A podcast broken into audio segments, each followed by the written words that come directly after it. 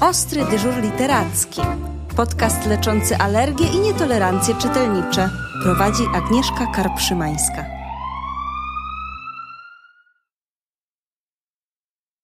Dzień dobry. Ogromnie miło mi zaprosić Was na kolejny odcinek specjalny. Temat jest nam bardzo bliski, bo będziemy mówić o słowach. Dowiemy się między innymi, jak dzieci przyswajają słowa, czy mają swoje ulubione. Porozmawiamy też o słowach trudnych, a niezwykle aktualnych.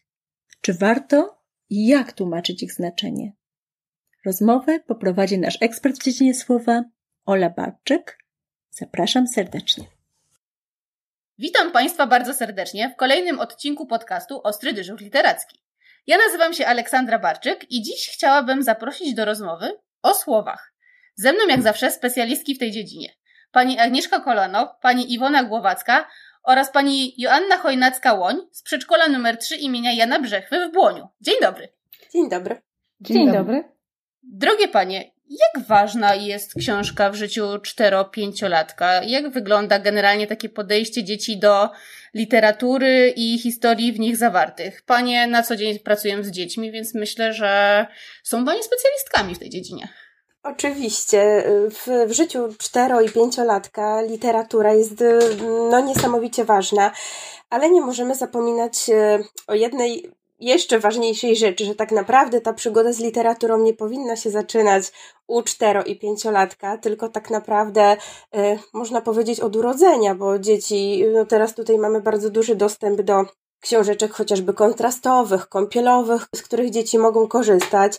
Pokazujemy to dziecku. Dzieci biorą do ręki książeczkę, badają, biorą do buzi te książeczki. No to jest też taki, to można nazwać, że jest to jest taki pierwszy kontakt e, z literaturą. No i on później się rozrasta. I jak dochodzimy do tych czterech czy pięciu lat, no to już możemy, przyzwyczajając dziecko od urodzenia, możemy liczyć na to, że ono już samo będzie się upominało o tę książkę. No w tym wieku myślę, że dzieci same powinny się upominać o książki, ale są one no, niesamowicie ważne, no bo tak, bardzo y, rozwijają wiedzę o świecie, ale też słownictwo. Super. Czy panie chciałyby coś dodać? Tak, oczywiście zgadzam się z Asią i ostatnio czytałam taki plakat na temat czytelnictwa dzieci w którym było napisane, że w wieku trzech lat to dziecko, którego rodzice czytają mu książeczki, ma dwukrotnie większy e, zasób słów niż dziecko pozbawione no, tego daru i, przywileju i rodzice nie czytają mu. Także mm, tu jest jedna z kluczowych rzeczy, to jest nabywanie umiejętności komunikacji poprzez słowo, a poszerzający się zasób e, E, słów e, zwiększa możliwości rozumienia otaczającej rzeczywistości e, z różnych dziedzin. A poza tym mm, chciałabym dodać jeszcze, że zasób słów jest priorytetem w komunikacji między ludźmi, natomiast z punktu widzenia psychologii wydaje mi się, że mm, czytanie dziecku rozumiem jako budowanie więzi między rodzicem a E, dzieckiem. No, później e, można to poszerzyć jako e, też tworzenie jakichś relacji, na przykład między wychowawcą w przedszkolu a dzieckiem czy dziećmi, bo tak naprawdę, jak, jeżeli mówimy tutaj o cztero-pięciolatkach, chociaż oczywiście jak najbardziej o młodszych dzieciach, ale cztero-pięciolatki to są głównie przedszkolaki czyli już wyszły z, z, z, tego codziennego bycia w domu, więc wydaje mi się, że mają czytane, bo wiem, że mają prze, e, przez wychowawców w przedszkolu, a dalej kontynuowany powinien być, no to by było po prostu świetne, gdyby każdy rodzic też czytał codziennie dzieciom w domu, no na przykład przed snem, choć niekoniecznie. I wiele, w wielu domach jest to tak, jest to rytuał, codzienne czytanie, bo pytam o to, mam mm, po prostu na tym punkcie bzika, że w, w, w rozmowach z rodzicami pytam, czy rodzice czytają codziennie i niektórzy no, odpowiadają to i myślę, że szczerze traktując jako jako coś oczywistego, no, mm, tak jak, nie wiem, wieczorny rytuał y, mycia i, y, i, i kładzenia się spać. Natomiast niektórzy mam poczucie, że, że wiedzą, że nie czytają i że to jest niefajne, więc e, mówią, że no starają się jak, mm, jak tylko mogą. Natomiast no niektórzy też mówią wprost, że przyznają się, ale generalnie rodzice mają poczucie, że jak nie czytają, to jest coś nie, nie, nie okej. Okay. Ja bym mogła jeszcze tutaj od razu pociągnąć, po, po, dopowiedzieć, że tworzenie więzi, relacji z dzieckiem i tak naprawdę na to zwracam uwagę, że to jest czas tylko dla dziecka i cokolwiek by ten rodzic nie mówił, e, zmieniał nawet, to to słuchanie głosu rodzica i bycie, ten, to dziecko ma poczucie, że to dziecko, że ten rodzic jest teraz tylko dla niego, i budują wspólną przestrzeń jakąś i czas mają wypełniony tą historią, która jest akurat czytana czy opowiadana na podstawie książki. Razem mogą pooglądać obrazki, e, ilustracje, które e, tam są. E, to jest coś bezcennego, czego nie zabierze się, bo to będą ich potem wspólne wspomnienia i odwoływanie się do tego, co mama czy tata mi czytali, albo że pamięta, że czytali, nawet nie musi pamiętać konkretnie, jaka to była książka. I związane z tym emocje, wspomnienia, em emocje, yy, więź, kształtowanie wyobraźni, bo książka jest czytana i, i, i to by było też bardzo ważne, jak, jeżeli byśmy przeszli do, te, do tematu, jak czytać te książki, no to z właściwą e, intonacją, z przekazaniem e, emocji, e, bo to jest to wow, które dziecko, które rodzic chce przekazać dziecku, albo wychowawca, że to jest ciekawe, jakie to jest wspaniale, bo to jest budowanie tej ciekawości. O, to jest ciekawe, to ja chcę. Albo rodzic to czyta i w którymś momencie jednak to właśnie jakieś słowo czy zdarzenie, o którym mi opowiada bądź czyta w tej książce, mnie też zaciekawi. Tak, można by było o tym długo opowiadać, także może jeszcze koleżanka się dołączy.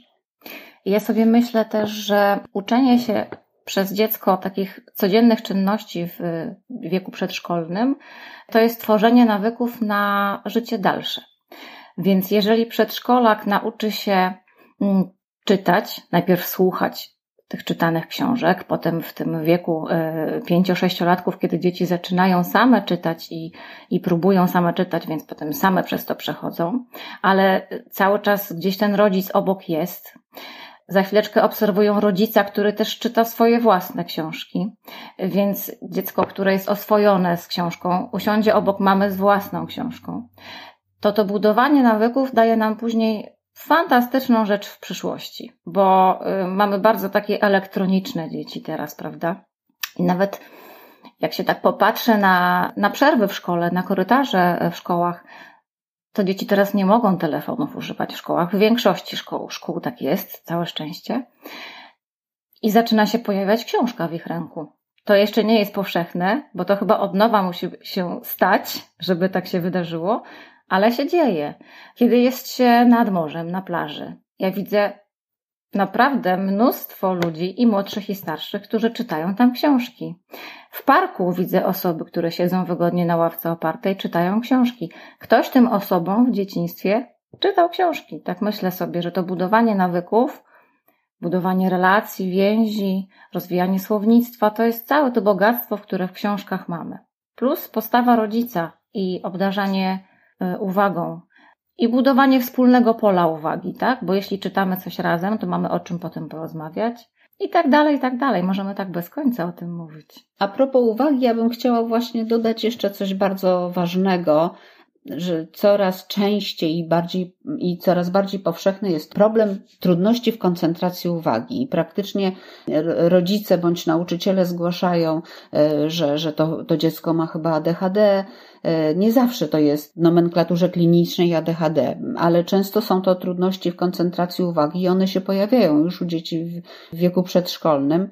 E, natomiast też w rozmowie z rodzicami czy z wychowawcami zwracam uwagę, szczególnie z rodzicami, jak wypracować tę koncentrację uwagi, jeżeli dziecko ogląda obrazy tylko, bo e, korzysta e, z telefonu, z laptopa, e, ogląda te, telewizję, gra w różne gry, natomiast szkoła opiera się też już w przedszkolne zajęcia, a dalej szkoła. I to może bardziej właśnie do rodziców, rodzice bardziej tym się martwią, bo przedszkole to się bawią i tak dalej.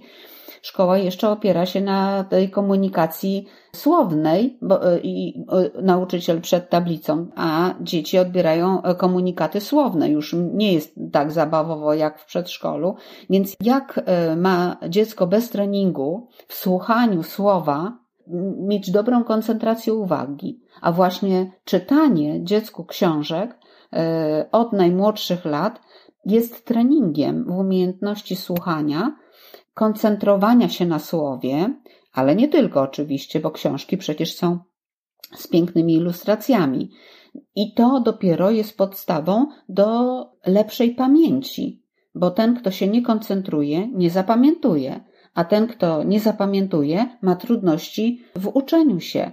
I zasada domina i albo błędne koło. Więc to, o czym my teraz mówimy, czyli o, o, o tym czytaniu dzieciom y, w wieku y, przedszkolnym i przedprzedszkolnym, to jest właściwie no, no, oczywista sprawa, bardzo ważne, ale jak nie kluczowe dla, dla dalszej, chociaż jedno z bardzo ważnych elementów w jego dalszych losach szkolnych i nie tylko. I ja muszę przyznać, że z ogromną radością Pań słucham i tego, jak wiele Pani potrafią powiedzieć na ten temat. Jest mi ogromnie miło, że, że jest tego tak dużo, tak, tak fantastycznych informacji. Drodzy słuchacze, obiecałam, że, że są specjalistki i jak słyszycie, są absolutne specjalistki. Natomiast bardzo chciałabym powiedzieć o tym, dlaczego dzisiaj generalnie rozmawiamy, bo rozmawiamy przy okazji niedawnej premiery y, fantastycznej serii od wydawnictwa Słowne Młode i mam na myśli elementarz ważnych słów. I zanim dojdziemy do samej serii, chciałabym jeszcze Pań zapytać właśnie o słowa. Jakie są najczęstsze słowa, wyłączając oczywiście takie totalne klasyki jak mama, tata, babcia, czyli to wszystko, co dziecko jako pierwsze przyswaja, to jakie są te inne słowa, które dzieci najlepiej przyswajają? No, jako logopeda to y, oczywiście powiem tutaj, że najczęściej dzieci, i, i to w sumie nawet nie ma się też co dziwić, to po prostu dzieci nabywają słów słuchając najbliższego otoczenia, ze swojego najbliższego otoczenia i to, co ich głównie dotyczy. Czyli oczywiście wykluczając te nasze klasyki, no to jeszcze y, przede wszystkim zaspokajanie swoich potrzeb, czyli pić, jeść, korzystanie z toalety również. Wszystko to, co dziecko bezpośrednio otacza, no a później oczywiście coraz, dal, coraz dalsze zasięgi są tych y, nabywania y, słów, no i oczywiście ich używania. Tak, zgadzam się z tym.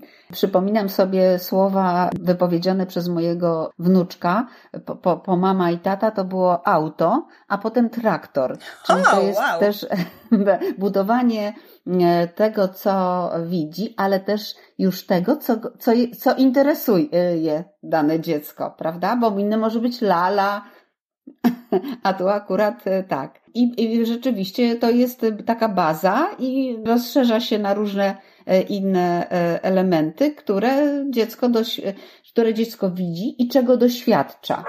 A czy przypominają sobie Panie może jakąś anegdotkę, w której jakieś słowo wypowiedziane przez dziecko absolutnie Panie zaskoczyło?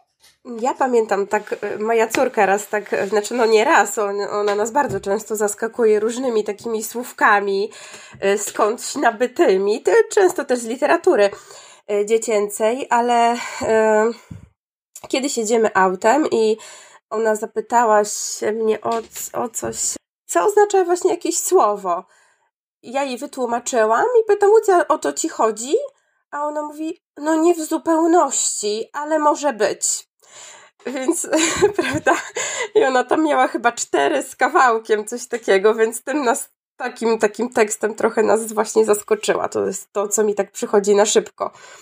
Tak, y, ostatnio w przedszkolu rozmawiałam z pięciolatkami i użyłam y, słowa, tylko nie pamiętam y, dokładnie tej sytuacji. W każdym razie chodzi bardziej o znaczenie.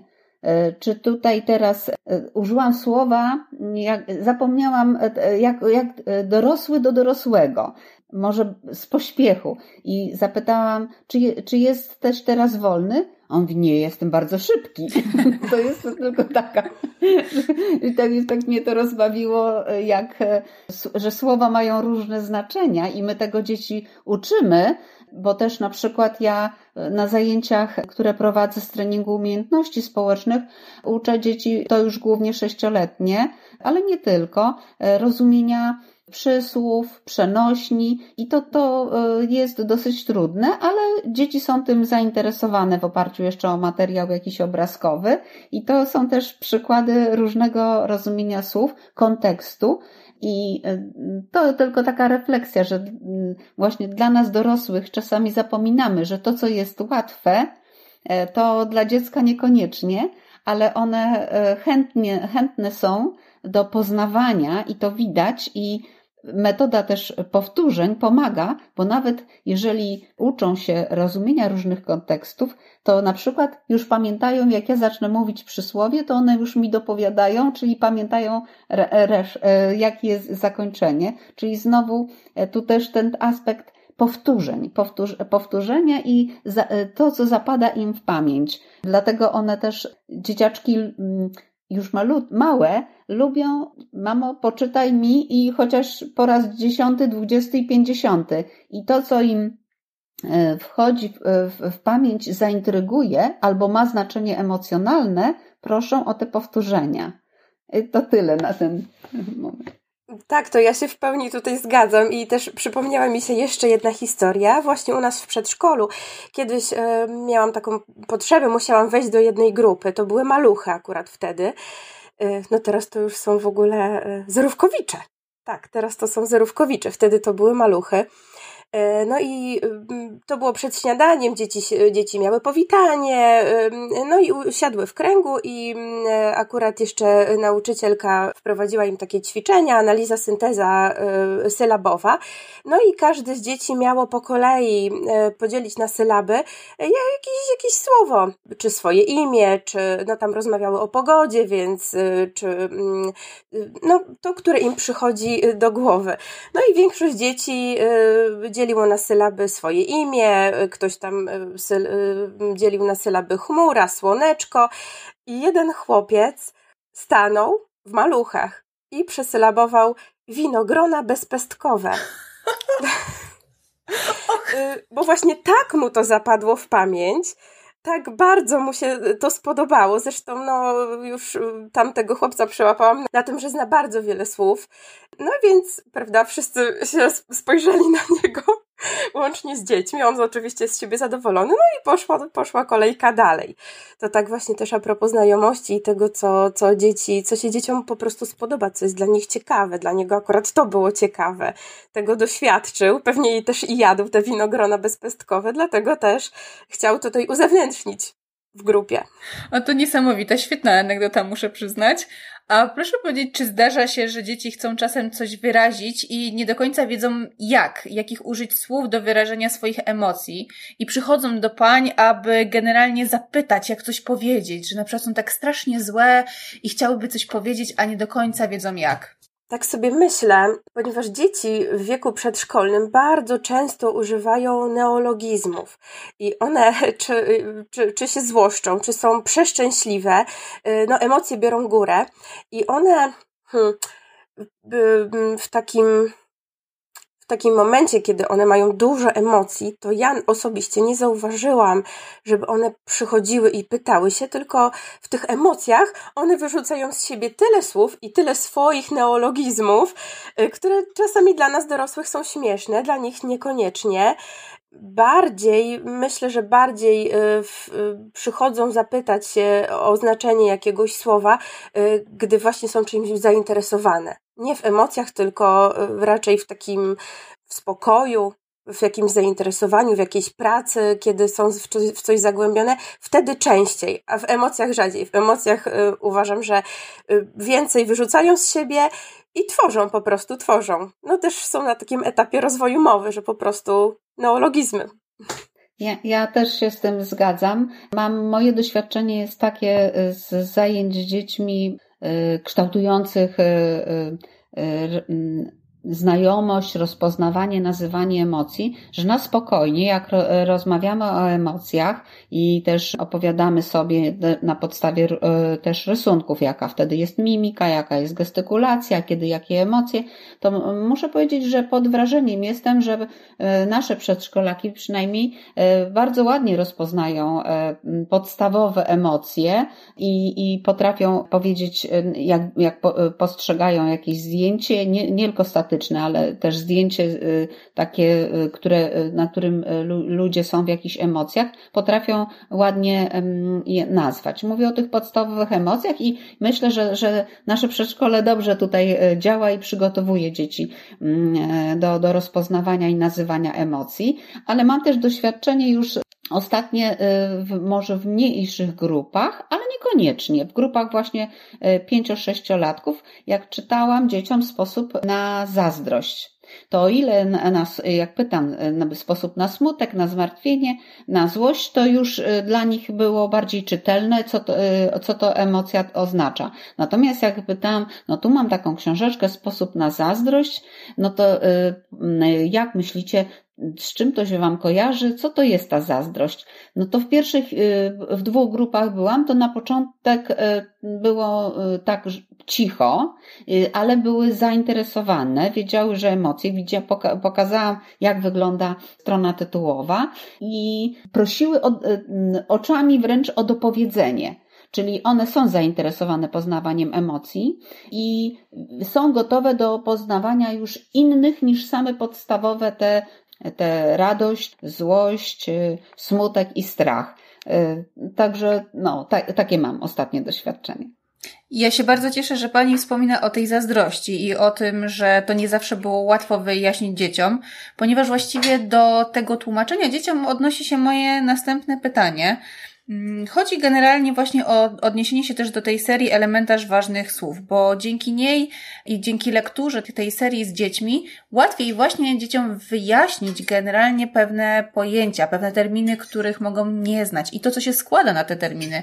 Bo dajmy na to jest na przykład w tej serii księżyczka przyjaźń. No i jak wyjaśnić dzieciom, czym jest przyjaźń i jakie są jej elementy? Czy, czy Pani kiedyś musiały się zmierzyć e, właśnie z takim wyjaśnieniem? Mam mogę powiedzieć, że, tylko, że może nie, e, nie zadawałam mm, pytania, e, co to jest przyjaźń, ale czytając e, chociażby tę książeczkę o przyjaźni, w oparciu jeszcze o, o tutaj o tę ilustrację, mm, miałam poczucie, że to jest dla dzieci zrozumiałe i ta książeczka, gdzie są te krótkie teksty, jest krótkie teksty i takie kolorowe ilustracje, to jest właśnie zachęta do tego, żeby porozmawiać o tej, e, o, o tej e, przyjaźni. To jest taki, taki, taki, mm, taka pierwsza iskra, czy, e, czy zagajenie, i wtedy na, na podstawie i obrazków, i kolejnych tych słów, które się tu pojawiają, można, dzieci były zainteresowane o tym, co się składa na przyjaźń, jakie one mają doświadczenia tego. Czy ktoś ma doświadczenie, no nie wiem, no, lojalności, czy powierzenia sekretu, czy ta przyjaźń, wspólne spędzenie czasu na tych aktywnościach, które e, lubimy. I właściwie to, to był taki początek i one zaczęły się dzielić e, o tym, co one lubią robić, z kim, e, czy zaczęły tak, tak ta książeczka prosta była tak, taką podstawą tego, aha, to ja tam lubię kogoś, ale przyjacielem moim to, to jest konkretnie Franek. A, a już e, ktoś inny może być sympatyczny, ale to jest kolega. I, i to jest takie, o właśnie, to są te subtelności językowe. I to ma, czyli poruszamy się w jakimś obszarze, ten, o, sprawdzamy ten obszar dogłębnie i zaczynamy osadzać dane słowa z czymś, co niby wiedzieliśmy do tej pory, a teraz to już wiemy jeszcze lepiej. Czy to jest to, czy to jest takie różnicowanie? No właśnie, to też jest różnicowanie tych znaczeń, prawda? Jaką ma siłę jakieś, jakieś, jakieś słowo, no bo one mają siłę oczywiście, a te książeczki są właśnie, tak jak Iwonka powiedziała, świetnym y, początkiem do rozmowy, bo one są pisane takim bardzo zrozumiałym językiem, one są krótkie, i przez to też one świetnie wzbudzają ciekawość dziecka. One są krótkie, więc dzieciaki zaraz, no ale co dalej, co jeszcze? I same chcą dalej coś dopowiedzieć, więc rzeczywiście to jest świetny taki początek. Yy, dlatego no myślę, że, że też no mam też kilka takich swoich przemyśleń na ten temat. Zaczęłyśmy od przyjaźni, a ja sobie tutaj w swoich notatkach ustawiłam przyjaźń jako, jako trzecią książeczkę, bo mamy ich cztery, prawda? Więc ja sobie tak ustawiłam, że od czego ja bym zaczęła, w ogóle od czego zaczęłam przy swoich dzieciach, e, przy te, te cztery książeczki, to najpierw zaczęłabym od zdrowia, Później przeszłabym do nauki, przyjaźni i na końcu do świętowania. Ja już sobie tak sama w swojej głowie ustawiłam. Od priorytetów po prostu. Takich może po dorosłemu na to patrzę, ale myślę, że, że od tego bym zaczęła. Najpierw zdrowie, później nauka, przyjaźń i świętowanie. Taki prosty język, króciutki, tam też nie ma imion dzieci, także świetnie też jest się odnieść do tych wskazówek, które są dla rodzica, no bo y, tak naprawdę my jako pedagodzy w przedszkolu y, no, myślę, że y, mamy też taki obowiązek trochę więcej wiedzieć o rozwoju dziecka, o rozwoju też emocjonalnym dziecka, rodzic dobrze by było, ale nie każdy rodzic jest pedagogiem, prawda? Nie każdy miał takie przygotowanie, nie każdy też e, czytał jakąś rozwojówkę. Nie oszukujmy się, są osoby, które nie czytały i to też jest w porządku. I posługując się tymi podpunktami, można też fajnie w domu rozwinąć. My tutaj mówimy o gruncie przedszkolnym, no i nam jest łatwiej, łatwiej Iwonce to rozwinąć, łatwiej nam jest to rozwinąć, Agnieszce czy mi podczas zajęć, ale no dzięki temu, że mamy te 10 punktów pod, na, na tych stronach końcowych, no to też w domu jest duże ułatwienie i baza fajnych pomysłów. Nie trzeba robić wszystkiego, prawda? Można wybrać kilka spośród tych. Te pierwsze cztery to są takie kluczowe, a później dodać, wybrać sobie jakiś jeden czy dwa na tyle, ile mamy możliwości. Właśnie, bo ja chciałam nawiązać do tych 10 pomysłów, które są na końcu każdej z tych czterech książeczek, o których Pani wspomniała. Ja mam akurat przy sobie tom tak powiedziałam Tom, a to jest, to są takie piękne książeczki dla dzieci, ale niech już zostanie e, Tom nauka i na przykład weźmy drugi podpunkt. Motywem przewodnim tej książki jest uczenie się. Czy nauczyliście się dziś czegoś nowego? No i rzeczywiście, czy taka książka na dobrą sprawę kilkustronicowa może być dobrym punktem wyjścia do dyskusji na takie tematy z dziećmi? Oczywiście. Ja na przykład z tej książeczki pod tytułem Nauka słowo, które dzieci, chłopcy, nie będę oszukiwać, byli zainteresowani i zapamiętali technologia. I było punktem wyjścia do rozmowy o technologiach e, różnych, nie tylko pojazdach, ale nawet jakichś nowoczesnych, związanych z budowaniem domu, które są w technologiach w domach. Ja mam taki, e, też takie przemyślenie, że może to stereotyp, ale tak mi się kojarzy, że książki zazwyczaj czytały kiedyś przynajmniej e, dzieciom swoje mamy. A te książki są idealne dla tatusiów. Dlaczego tak sądzę? Bo są proste, są czytelne, są krótkie, a panowie się zazwyczaj bardziej spieszą, tak mi się wydaje. E, to po pierwsze. Po drugie, mm, mają pełną instrukcję, co panowie uwielbiają. Jest krok po kroku, wszystko wytłumaczone, jak tą książkę można przeczytać i w jaki sposób porozmawiać z dzieckiem. A no, tak jak już Asia wspominała, nie każdy rodzic ma obowiązek być specjalistą w dziedzinie rozwoju dziecka i nie każdy rodzic e, też musi umieć takie mini zajęcia w domu prowadzić. To jest taka, taka książka to jest bank pomysłów, jak wykorzystać dobrze czas na przeczytanie a potem omówienie tego, co się przeczytało.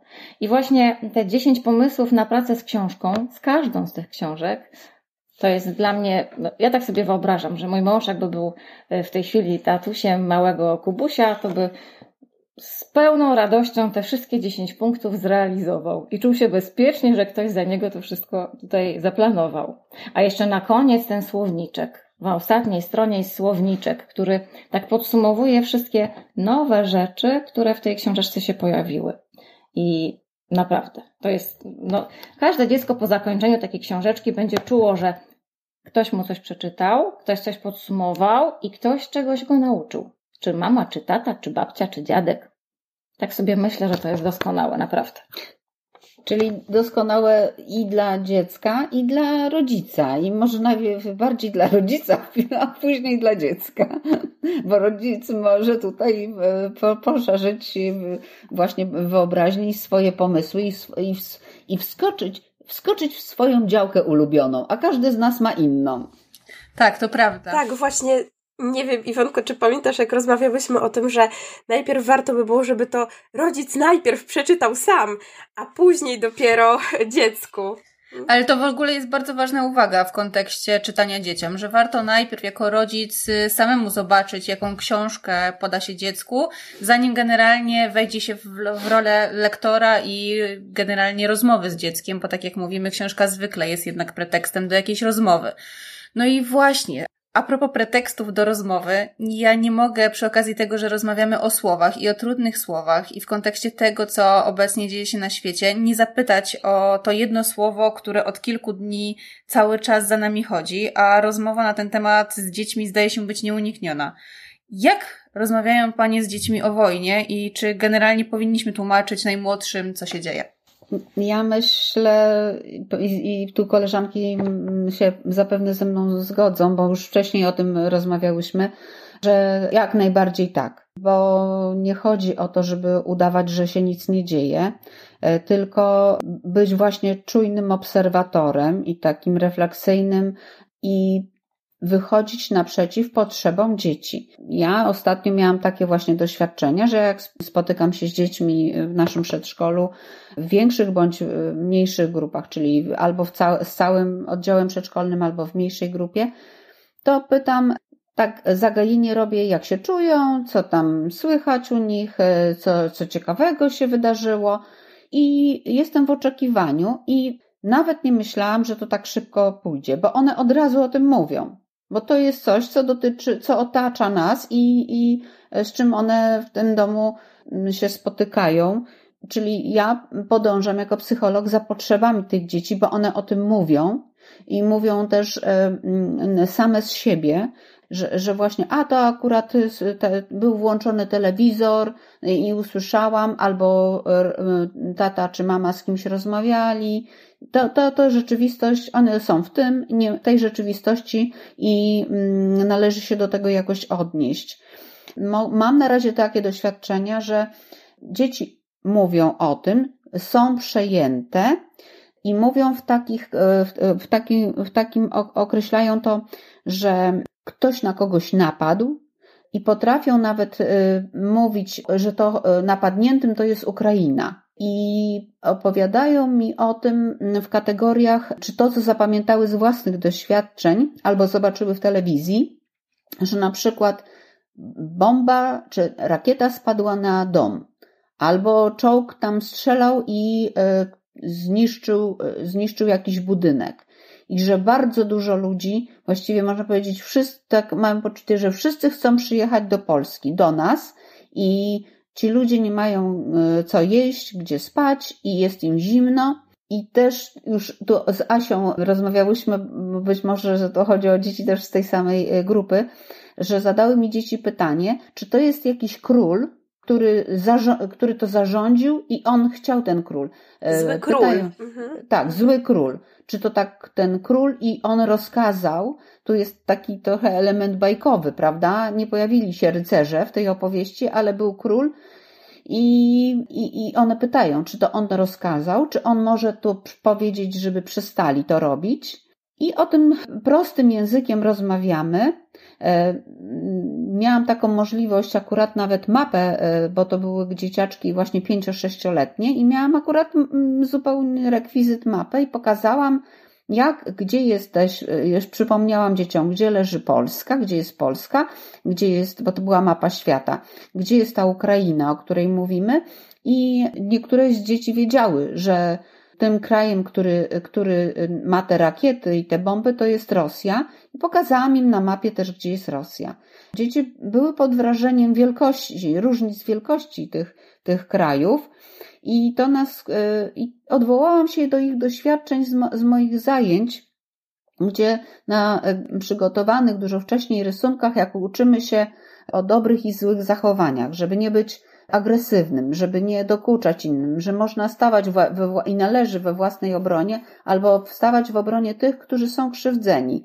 I na podstawie odwołałam się do tych rysunków, gdzie właśnie ktoś większy no, próbuje, tu chodziło o dzieci, ale większy gabarytami próbuje bić e, kogoś młodszego. To jest jeden obrazek, który oni znają, i drugi jest jeszcze taki, gdzie jest dodatkowa e, postać innego, innego dziecka, które przy, przygląda się e, i nic nie robi. Przygląda się z założonymi rękami, jak ktoś kogoś bije. I dzieci y, bardzo to ładnie odczytały, bo wcześniej znały te, te moje e, rysunki, i, i, i ja powiedziałam, że My teraz nie jesteśmy tak, e, tu mm, Polacy, nie jesteśmy tak z założonymi rękami, nie tylko my, wiele innych krajów nie stoi z założonymi rękami, tylko właśnie mówimy stop, nie rób tak, nie dokuczaj, nie bij. I no to dla mnie to było też wzruszające i takie przejmujące, i miałam poczucie, że te dzieci wiedzą o czym ja mówię, bo też bazowałam na doświadczeniach ze wcześniejszych zajęć, e, które cały rok robię z dziećmi w przedszkolu o emocjach. Mogę tylko dodać tyle, że na razie w tych moich słów, słuchaniu dzieci e, z ich strony nie pojawiły się słowa, które w sumie też znają, ale jeszcze się to nie pojawiło śmierć. Na razie jest to, że, że nie mają co jeść, nie mają gdzie spać i w ogóle te, te bomby są. Natomiast e, nie, nie ma jeszcze tego, no i, i, i dobrze, e, że nie ma. Mm, zobaczymy, e, jak sprawy się dalej będą toczyły, też jeżeli chodzi o, o, o jaką wiedzę będą miały dzieci. No w każdym razie nie tylko ja, ale myślę, że tu wszystkie e, i Agnieszka jest pedagogiem specjalnym, Asia logopedą, mamy innych specjalistów, że jesteśmy też w takiej gotowości zaspokoić potrzebę, bo to jest też potrzeba ciekawości, jak to ta bomba leci, kto tam, czy to czołg, czy nie czołg. Ciekawości raz, ale dwa, że w gotowości zapewnienia bezpieczeństwa e, naszym dzieciom, nie tylko takiego fizycznego, e, ale też bezpieczeństwa takiego emocjonalnego e, i stworzenie przestrzeni na mówienie o tych ważnych sprawach i trudnych, bo też nie wiemy, mm, czy wszyscy są w stanie zrobić to w domu, bo, bo myślę sobie, że teraz jest ten etap, kiedy rodzice sami mierzą się ze swoimi emocjami i niektórzy mogą być przytłoczeni lękiem, poczuciem bezradności, a ktoś inny może być przytłoczony jakąś y, złością y, wynikającą z frustracji. Więc tu jest y, masa różnych, różnych emocji. Ja jeszcze chciałam powiedzieć o, mm, o tym, że naszą rolą, rolą dorosłych jest towarzyszyć dzieciom, tak? Więc jeżeli dzieje się coś tak ważnego, tak trudnego i tak smutnego, jakim jest wojna, no to nasze zadanie jest takie, żeby być obok dziecka i mhm. rozmawiać, tłumaczyć na miarę możliwości danego dziecka, daną sytuację, tak? Jednego dnia mówimy o nalotach, innego dnia mówimy o tym, że te dzieci z rodzinami uciekają i szukają schronienia u nas. Innego dnia mówimy o żołnierzach, którzy y, wędrują, idą. I te rozmowy z dziećmi w różnych dniach na różne tematy przebiegają. Ale w tej chwili wiodącym tematem, które, y, który się pojawia, który, który jest w rozmowach naszych z dziećmi, to jest taki temat związany z empatią. I to jest to, co dobrego, jeśli w ogóle tak można mówić, ale to jest to, co dobrego możemy z całej tej trudnej sytuacji wojennej, no trudno powiedzieć zyskać, no ale rozwinąć wśród dzieci, tak? Rozwinąć u dzieci. Dzieci widzą w każdym przedszkolu, w każdej szkole, gdzieś koło sklepów, zbiórki dla rodzin, dla dzieci. E, więc towarzyszą rodzicom przy zakupach, towarzyszą rodzicom przy szykowaniu paczek i te dzieci chcą o tym rozmawiać. W naszym przedszkolu też była robiona zbiórka, też tworzyliśmy e, takie, e, takie pomocowe działania były organizowane i niesamowite było to, jak dzieci przechodziły obok tych gromadzonych pudeł e, i rodzicom, którzy ich odbierali, opowiadały: Mamo, a wiesz, to jest dla dziewczynek, a tam dla chłopców, a tam dla pań, a tam dla panów. I są i kurtki, i ubrania, i jedzenie, mamusiu, ale my pomagamy, nie będą głodni, pomożemy. To są niezapomniane sytuacje. i naszym zadaniem jest towarzyszyć, być obok dzieci, ale też będziemy musiały poszukać dobrej literatury na ten temat, żeby oprzeć się na, no, na, no właśnie na literaturze, która odniesie się do tego, co aktualne teraz, ale też oprze się na historii, tak? Ja jeszcze chciałam dodać do, do, tego, co mówi Agnieszka, że, że faktycznie w naszym przedszkolu może też tak szybko to poszło, bo na każdym korytarzu są mnóstwo rzeczy zgromadzonych, y, potrzebnych, żeby pomóc y, ludności ukraińskiej i dzieci y, w tym są. On, to, to, tego się nie da im, one to widzą i dlatego znają odpo różne odpowiedzi, które dopowiadane są w domu i, i u nas i one wiedziały, po, po co są te rzeczy. I też chciałam dodać, że tak jak mówiła Agnieszka, że jak zbieraliśmy mm, potrzebne rzeczy, to przychodziły, przychodzili rodzice e, z dziećmi w różnym wieku, ale też przychodziły w wieku przedszkolnym, albo nasi absolwenci naszego przedszkola, e, albo e, no, no, myślę, że już nawet tak od 4-5 lat przychodziły dzieci. I to też, to jest też uczenie empatii i działań pomocowych. No i chwała tym rodzicom, że, że starają się wpoić dzieciom e, w tym wieku, na czym e, polegają takie działania i porozumienie bez przemocy i działania pomocowe dla tych, którym się źle wiedzie. A faktycznie my teraz będziemy się wspierać różnymi literaturą i chociażby te książki też, które tutaj są, sposób na zmartwienie, na smutek, myślę, że jak najbardziej będą wykorzystane. Świetnie to słyszeć i generalnie ogromnie mnie porusza to, co panie mówią, że, że dzieci pytały o tego złego króla, to, że potrzebują sobie nazwać to wszystko, co się dzieje po imieniu. Właśnie to wyszukiwanie, zły król pokazuje, jak bardzo potrzebują móc umieć wyrazić to słowami. I, I na koniec, jeszcze zostając przy tych słowach, chciałabym zakończyć nieco bardziej pozytywnie, bo zeszliśmy rzeczywiście na takie tematy, które są mocno przytłaczające.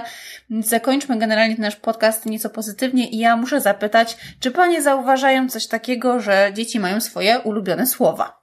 Zdecydowanie, ale tutaj wysnułam taki wniosek. No, może nie miałam jakiejś y, szerokiej grupy badawczej, y, ale wysnułam taki wniosek, że faktycznie dzieci mają swoje ulubione słowa, ale w dużej mierze te dzieci, którym jest czytane. Moja córka ma, ma coś takiego, że cyklicznie wybiera sobie mm, jakieś, jakieś słówko, z, z literatury, która jest jej czytana i po prostu y, używa y, tego słowa czy tego zwrotu. Miała kiedyś, no, takie niezbyt może miłe, ale y, bardzo ją zaciekawiło słowo obrzydliwe, y, więc, y, więc bardzo często używała tego wyrażenia, ale też y, kiedyś usłyszała, że dziewczynka była e, odkrywcą i też zapytała się właśnie o znaczenie, że kto to jest odkrywca, na czym to wszystko polega, no i, e, i też bardzo często, bardzo często używała, czy w zabawach właśnie, bo dzieci też w, w swoich własnych zabawach Y, używają tych słówek swoich ulubionych. Także tak, można tak powiedzieć. Ja to zauważyłam, że, że y, faktycznie tak jest, że dzieci mają swoje ulubione słówka, jakieś wyrażenia, czasami jakiś cykl mija i następne, ale, ale faktycznie tak się zdarza. To ja w takim razie nie mogę nie zapytać w tym kontekście, czy Panie macie jakieś ulubione słowa, bo ja mam wrażenie, że dzieci absolutnie takie rzeczy sobie przyswajają, natomiast my dorośli się nad tym nie zastanawiamy aż tak bardzo, a jakbyśmy spytali dziecko, jakie jest jego ulubione słowo, to ono na pewno będzie wiedzieć. A w takim razie ja, ja pytam pań wewnętrzne dziecko, jakie jest ulubione wasze słowo? Ja mam taką, mm, takie przeświadczenie, że jak zapytać się moich bliskich, jakie jest słowo, które ja najczęściej używam, które najbardziej lubię, to by było słowo cudownie albo cudowne. Właśnie, cudowne, fantastyczne, wspaniałe, niewyobrażalne. To są moje ulubione słowa i najczęściej ich używam. Może to jest nadmiarowe, może to jest takie kolorowanie świata, ale tak, tak, to są słowa, których ja używam najczęściej. Ale te słowa są cudowne i bardzo miło jest je słyszeć, no. Natomiast ja e, nie, nie bardzo mogę e, e, tak wyszukać teraz, Natomiast mam takie słowo, ale to jest przerobione przez mój umysł, dlatego że bardzo się zaangażowałam w tym roku szkolnym w, w uczenie dzieci taki projekt weszliśmy w uczenie dzieci empatii. Więc myślę, że jeżeli powiem, że moim ulubionym słowem jest empatia, to, na, to jest to też tak pozytywne słowo, że nawet jeżeli e, jeszcze emocjonalnie tego nie czuję, to jest to dobre słowo i tego życzę sobie i wszystkim. Drogie panie, ja w takim razie tym pozytywnym akcentem, yy, czyli cudownym akcentem, y, tym, że mówimy tak wiele empatii, tymi wspaniałymi słowami, które Panie nam dały na koniec i przez cały podcast. Chciałabym ogromnie podziękować z tego miejsca za rozmowę. Cieszę się, że udało się pokazać to, że książka jest tym punktem, z którego my możemy wyjść do jakiejś konwersacji z dziećmi.